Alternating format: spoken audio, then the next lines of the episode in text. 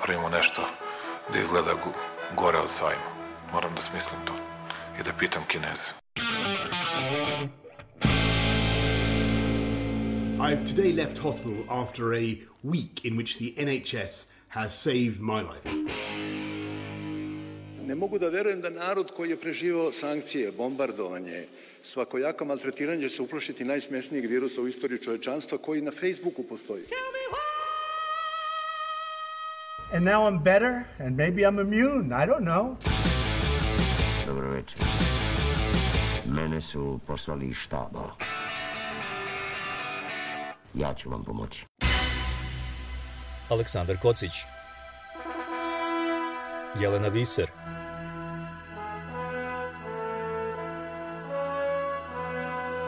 Radio Karantin Hronika istorije u nastajanju Do sada je na planeti preko 6,5 miliona ljudi umrlo od covid a više od 600 miliona je bilo zaraženo. Najveće žarišta epidemije bili su Evropa, Sjedinjene države i jugoistočna Azija. Dato je skoro 13 milijardi vakcina protiv covid -a. Ovakav pregled osnovnih podataka bio bi primeren uvod u emisiju o tome kako smo stigli do kraja pandemije. Ali kao što svi znamo, od kraja pandemije još uvek smo daleko. To što se o covidu manje priča i razmišlja, jer smo se navikli, jer manje ljudi ide u bolnicu ili umire, jer se Putin potrudio da imamo važnije teme, sve to ne znači da smo sa pandemijom završili, niti da znamo kada i kako ćemo završiti. Uskoro će tri godine od kad je COVID počeo da hara planetom. Možda je vreme da kažemo, jebi ga, sa covidom stvarno mora da se živi, pobedili ga nismo, samo smo ga primirili. Koje lekcije možemo da izvučemo da se ovako nešto ne ponovi? Ja sam Aleksandar Kocić i u današnjoj i sledećoj emisiji tražim odgovore na to pitanje.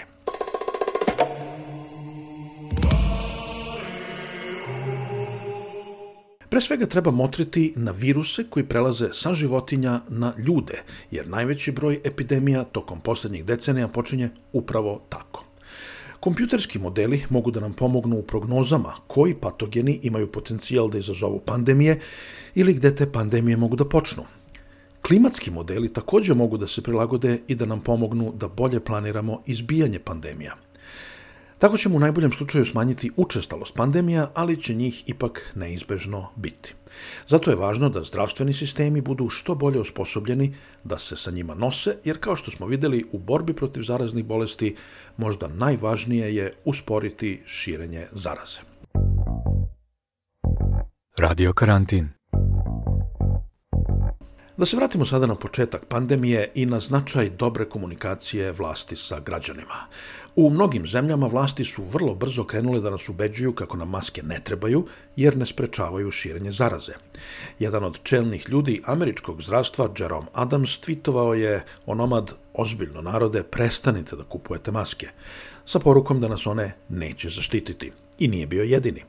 A nedugo zatim vlasti su promenile ploču i apelovale na nas da nosimo maske. Otkud ta promena?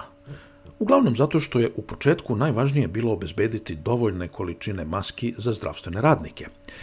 Jednom, kada smo to rešili, onda je i nama savjetovano da maske nosimo. Ali šteta je već bila učinjena.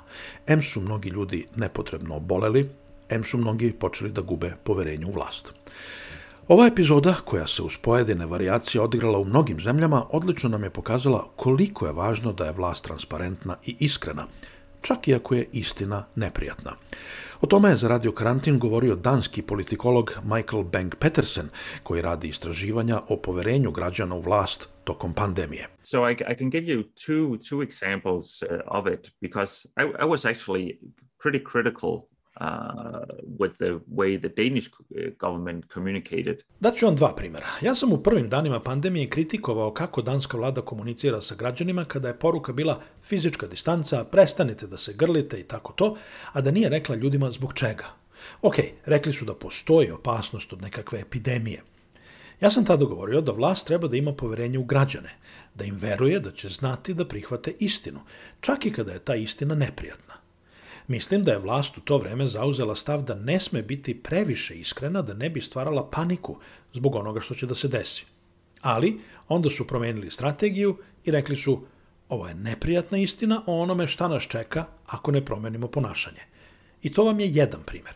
A videli smo i sličnu zabrinutost oko toga da li će ljudi moći da se suoče sa istinom u vezi sa vakcinacijom i da ne preuveličavaju strah od potencijalnih neželjenih efekata i da kažu, ma nema veze, ne bojim se, bit će sve u redu. A mi smo zastupali stav i videli u istraživanjima da sa jedne strane, ako navedete negativne karakteristike vakcina i kažete da nisu sve vakcine podjednako efikasne, time proizvodite neizvesnost, ali sa druge strane održavate poverenje u institucije. Kada zdravstvene vlasti komuniciraju na transparentan način i ljudima jasno kažu kakvim podacima raspolažu, makar to nije uvek prijatno čuti, onda im ljudi veruju više. A političari i vlast često umesto toga vole da daju neka neodređena uveravanja tipa ništa, vi ne brinite, sve će biti u redu. E, ali ako krenete tim putem, onda stvarate sumnje. Ljudi počnu da misle da nešto krijete i gubite njihovo poverenje. Zato su ta neodređena uveravanja najgori vid komunikacije, jer njima samo gubite poverenje kod ljudi i ne možete da ih ubedite da prihvate to što govorite.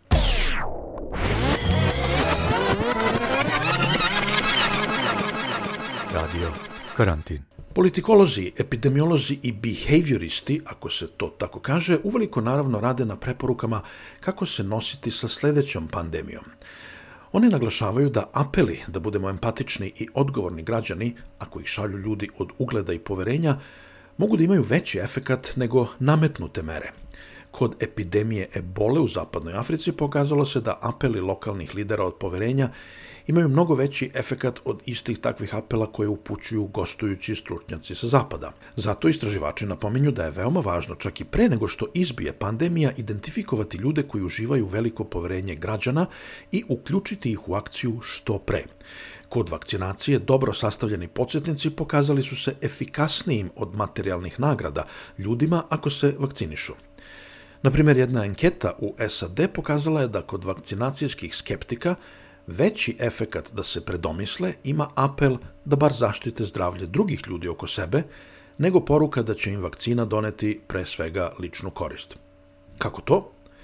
Tako što, kao što pokazuju istraživanja, većina ljudi ne voli da im se govori šta treba da rade. Mnogo je efikasnije pomoći im da i sami prihvate odgovornost za svoje korake, da shvate kako ono što rade utiče i na druge. I kod svih ovih mera, tajming je ključna stvar. Ono što ljude motiviše u jednoj fazi pandemije ne mora da ima isti efekt u nekoj drugoj fazi. Jedna studija iz Italije, koja je, kao što znamo, bila među najteže pogođenim zemljama u aktualnoj pandemiji, pokazala je da poruke zdravstvenih radnika nailaze na najveće poverenje u prvim danima pandemije. To me odmah navelo da se setim šopinga u Milanu, Rakice i Belog Luka, prvih poruka srpskih vlasti sa početka pandemije. Istraživanja dalje pokazuju da što su građani više zatrpani informacijama, to je efikasnost poruka koje primaju manja. Radio Karantin. Pošto gledamo unapred, postavlja se pitanje da li je moguće organizovati informativne kampanje i slično unapred, pre nego što se sledeća epidemija uopšte dogodi.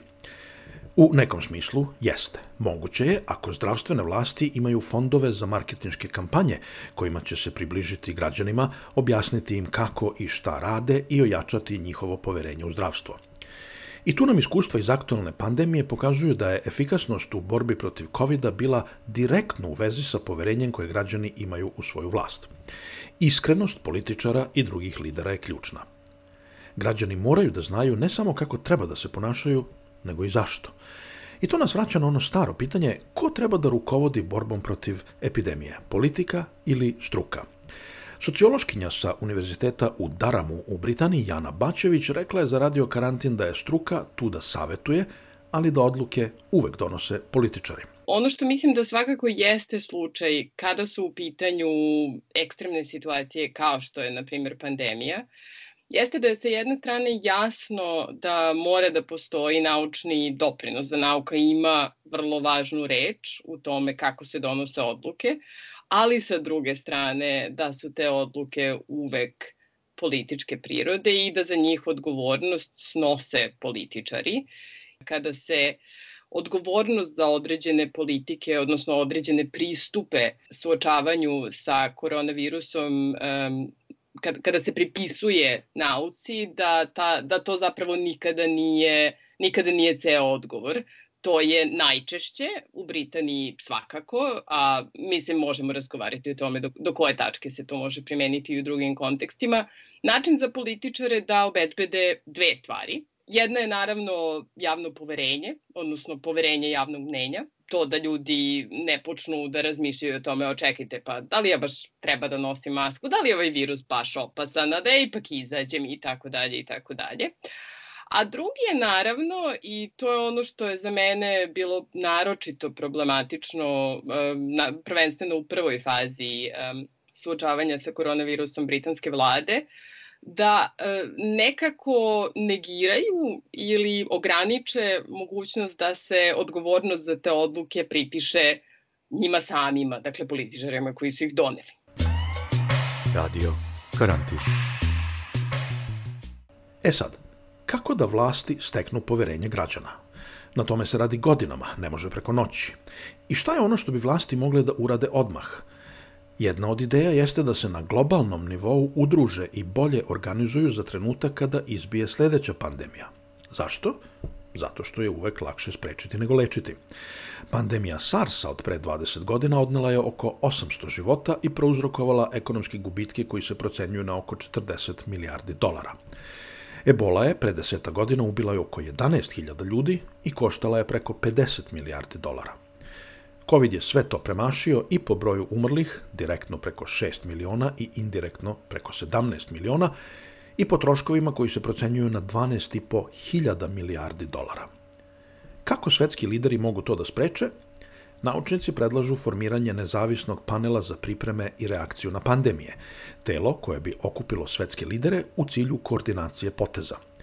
Formiranje ovog tela pratio bi i novi globalni fond za borbu protiv pandemije – Istovremeno predlažu da se Svetskoj zdravstvenoj organizaciji daju veća ovlašćenja i nezavisnost u koordinaciji borbe protiv globalnih zdravstvenih kriza. Procenjuje se da bi zajednički rad na sprečavanju pandemija koštao oko 10 milijardi dolara godišnje, što je zapravo veoma niska cena za spašavanje ljudskih života i ekonomije. Već se razmatraju i različiti modeli finansiranja ovakvog poduhvata. Radio karantin. Epidemiolozi se slažu da najveći rizik da dođe do nove pandemije predstavljaju patogeni koji imaju potencijal da pređu sa životinja na ljude. Jednom kada se to desi, onda širenje zaraze među ljudima u današnjem duboko povezanom svetu ide veoma lako i brzo, kao što smo videli. Ali koji su to patogeni koji će preći sa životinja na ljude?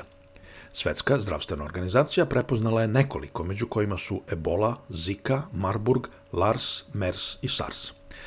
Naravno, ovo nikako nije konačni spisak i zato britanski epidemiolog u eseju za časopis Nature, Davis Ridar, predlaže da treba prvo identifikovati sve tačke na planeti na kojima dolazi do kontakta ljudi sa životinjama i da onda treba preduzimati korake da se smanje rizici prelaska virusa sa životinja na ljude.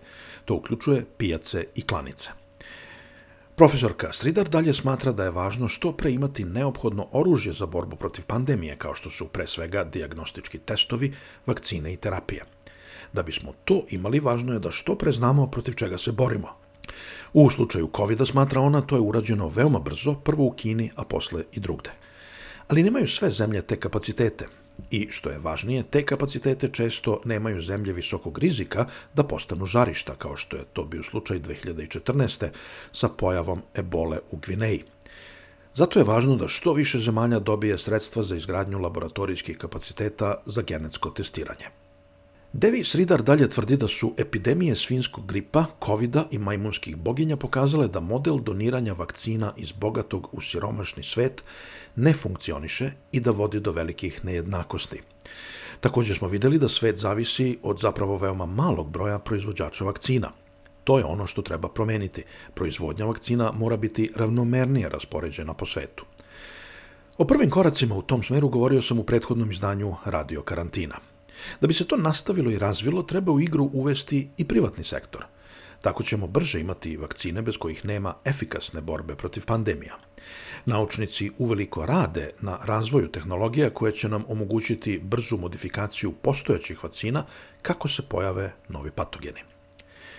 I konačno, zaključuje profesorka Sridar, naše vlasti moraju da odustanu od ideje da je širenje respiratornih patogena neizbežno. Vlasti u zemljama poput Velike Britanije ili Švedske vrlo brzo su zaključile da nema svrhe štititi stanovništvo od zaraze dok ne stigne vakcina. Da li je moralo tako? Koliko ljudi je moglo da dočeka vakcinu i ostane u životu da je politika bila drugačija? Zato je neophodno, smatra Davis Ridar, da vlasti preduzimaju sve moguće razumne mere da se spreči širenje zaraze dok ne stigne vakcina ili lek. A to pre svega podrazumeva obavezno nošenje maski u zatvorenom prostoru.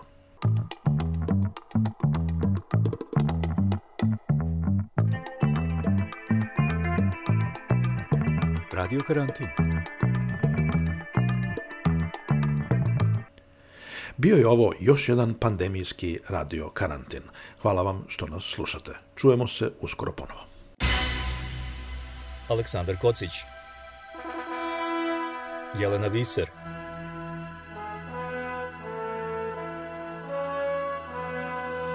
Radio karantin. Hronika istorije u nastajanju.